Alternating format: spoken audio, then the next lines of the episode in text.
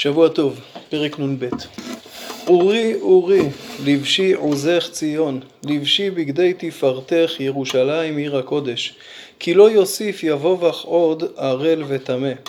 התנערי מעפר קומי שבי ירושלים, התפתחי מוסרי צווארך שבייה בת ציון. יש פה קריאה לירושלים, לציון ולעם ישראל, בעצם לקום מאבלות. יש פה תיאור שלובשים בגדים שהם לא בגדים של תפארה, יושבים על עפר, והקריאה היא לקום מהעפר, לשבת, ללבוש בגדי תפארה, כי לא יוסיף עוד לבוא ערל וטמא לירושלים, הכוונה שירושלים לא תהיה יותר בשלטון של אומה זרה, אלא עם ישראל יחזור חזרה. מפה חלק מהפרשנים מוכיחים שהכוונה היא לא לנבואה על שיבת ציון, אלא באמת על הגאולה האחרונה. כי כה אמר אדוני חינם נמכרתם ולא בכסף תגאלו. הפשט הוא שאין מחויבות כלפי הגויים, הגויים לא קנו אתכם ולכן אפשר להוציא אתכם מיד הגויים. מה פירוש לא בכסף תגאלו? אז רש"י אומר לא בכסף, אלא בתשובה. ברגע שאתם תעשו תשובה תגאלו. אבל בגמרא מובאת דעתו של רבי יהושע שאומר כסף זה משל, לא בכסף תגאלו, הכוונה הגאולה לא תלויה בשום דבר, לא בתשובה ולא במעשים טובים, אלא אתם תגאלו כשיגיע הזמן. ושני הדברים חז"ל חיברו אותם ביחד. זכו אחישנה, לא זכו בעיטה. כלומר אם עם ישראל יזכו ויעשו תשובה אז יגאלו בזכות התשובה שלהם, ואם לא אז יגאלו בכל מקרה, לא בכסף ולא בדבר אחר, הגאולה בוא תבוא. כי כה אמר אדוני אלוהים, מצרים ירד עמי בראשונה לגור שם, ואשור באפס אשקו. זאת אומרת, אם למצרים עוד איכשהו הייתה לנו מחויבות, ירדנו לשם, הזמינו אותנו, פרנסו אותנו, ולכן כדי להוציא ממצרים צריך לבוא, לגשת אל פרעה, לדבר, אשור ובבל שתי המעצמות ביחד באותו אזור, הכוונה היא לשניהם, אשור ובבל באפס אשקו ולכן לא הייתה שום בעיה לבוא ולהוציא אותם בחזרה, אין שום מחויבות מוסרית כלפי בבל. וכל שכן כלפי הגלות האחרונה. ועתה, כלומר בגאולה שבה אנחנו עסוקים, ועתה מה לפו נאום אדוני, כי לוקח עמי חינם, מושלב יהלילו נאום אדוני ותמיד כל היום שמי מנועץ. לכן ידע עמי שמי, לכן ביום ההוא, כי אני הוא המדבר הנני. יש פה תיאור מעניין, ריבונו של עולם אומר, מה ליפו נאום השם? הוא מדבר על עצמו, שעם ישראל בגלות, השכינה בגלות. אומר הקדוש ברוך הוא, די, אלפיים שנה אני כבר פה בגלות, מספיק, יש איזה חילול השם גדול, שעם ישראל נמצא בגלות, שמי מנועץ, ולכן למען שמו, אומר הקדוש ברוך הוא, גם אם אתם לא תעשו תשובה וכן הלאה, למען שם השם, עם ישראל ייגאל. מה נבוא על הערים רגלי מבשר, משמיע שלום, מבשר טוב, משמיע ישועה, אומר לציון מלאך אלוהיך. כל צופייך נשאו קול, יחדיו ירננו, כי עין בעין יראו, בשוב אדוני ציון.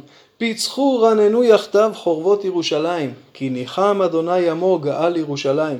חשף אדוני את זרוע קודשו לעיני כל הגויים, וראו כל אפסי ארץ את ישועת אלוהינו. יש פה את קריאת המבשר, את קריאת הצופים. ראינו כבר בפרק מ' את, את ישעיהו קורא למבשר לעלות על הר גבוה ולהרים את קולו. ואכן עכשיו קולו שהורם פתאום הוא כל כך נווה כשרואים כיצד זה מתגשם. המבשר רואה עוד לפני כולם ואומר לציון מלאך אלוהיך.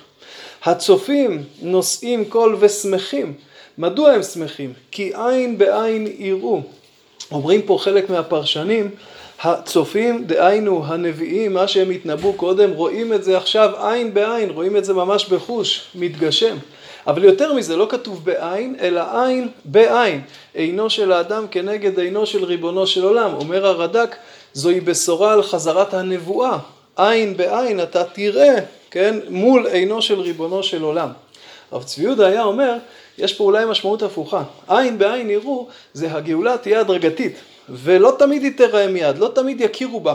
מי שידע לכוון את עינו, עין בשר, כנגד עינו של הקדוש ברוך הוא, מי שיתרומם לראייה האלוקית, יכיר בגודל השעה. אבל מי שלא יכוון, לא תמיד יכיר בגודל השעה.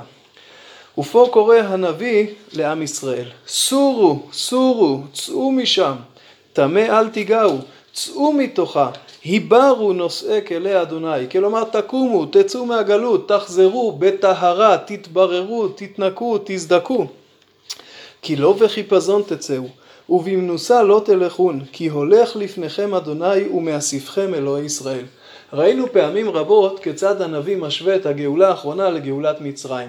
פה זה דווקא ההפך המוחלט. גאולת מצרים הייתה גאולה בחיפזון. ברגע אחד, בלילה אחד, הקדוש ברוך הוא בא ונגאלו בחיפזון, הבצק לא הספיק להחמיץ. אומר הנביא, הגאולה העתידה לא תהיה בחיפזון ולא במנוסה, השם הולך לפניכם. אז יש פה שתי משמעויות. משמעות אחת, אתם לא בורחים מאף אחד. לא בורחים מאף אחד, אתם תגיעו בחזרה לארץ ישראל, לא מתוך בריחה ולא מתוך זה, אלא תגיעו חזרה לארציכם. הקדוש ברוך הוא איתכם. אבל יש פה אולי נקודה נוספת. הגאולה העתידה היא גאולה תהליכית. היא לוקחת זמן. גאולה אלוקית היא מיידית. עם ישראל במצרים היה במ"ט שערי טומאה, הקדוש ברוך הוא היה צריך לבוא ולהוציא אחרת, עדיין היינו אנחנו ואבותינו ובני בנינו עבדים למצרים, כמו שאנחנו רואים בהגדה של פסח. הגאולה לעתיד לבוא היא גאולה שעם ישראל שותף בה. אנחנו רואים פה לאורך כל הפרק, הקריאה פה זה אורי אורי, קדימה, תתעוררו, צאו, תעשו, תפעלו, יש פה קריאה לעם להיות חלק מהסיפור. הכפילות הזאת של אורי אורי, זה אולי בא להגיד שיש פה כמה שלבים. קודם כל, ציון, כן, תלבש את עוזה. ורק אחרי זה ירושלים עיר הקודש תלבש בגדי תפארתה. יש פה תהליכים, זה לא יהיה בחיפזון. מדוע? דווקא בגלל שעם ישראל יהיה שותף, עם ישראל יהיה חלק מהתהליך הגאולי. לכן, כשדבר קורה מלמטה, הוא קורה בהדרגה. אולי בהתחלה רק חלק ישימו לב לתהליך האלוקי שיש פה, אלה שיודעים לכוון את עינם כנגד העין של מעלה. אבל הגאולה הזאת היא גאולה עמוקה יותר. היא גאולה שהקדוש ברוך הוא הולך לפניה.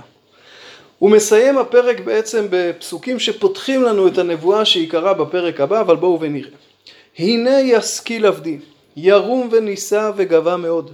כאשר שממו עליך רבים, כן משחת מאיש מראהו ותוארו מבני אדם, כן יזה גויים רבים עליו. יקפצו מלכים פיהם, כי אשר לא סופר להם ראו, ואשר לא שמעו התבוננו. הפסוקים הללו הם פסוקים מופלאים. נרחיב בהם בעזרת השם מחר. הם מתארים את המהפך שמתחולל אצל עבד השם. עבד השם פה עיקר הכוונה זה לעם ישראל. בפסוק י"ד שממו עליו רבים, מושחת מאיש מראהו ותוארו מבני אדם. עם ישראל לא היה נראה כמו עם, היה נראה בזוי, הוא היה נראה מחוק, הוא היה נראה כאילו אין יותר עם ישראל. כולם צחקו עליו, לעגו לו, והנה פתאום יקפצו מלחם פיהם. הם לא מאמינים, היד מכסה את הפה שלהם. הם לא מאמינים לאור המהפך העצום שמתחולל אצל עם ישראל, שאתמול היה בזוי ושסוי, והנה פתאום הוא משתנה לגמרי. איך הוא נראה בדיוק, מה בדיוק קרה, מה הפרשנות לתגובה, כל זה בעזרת השם נראה מחר בפרק נ"ג. שבוע טוב.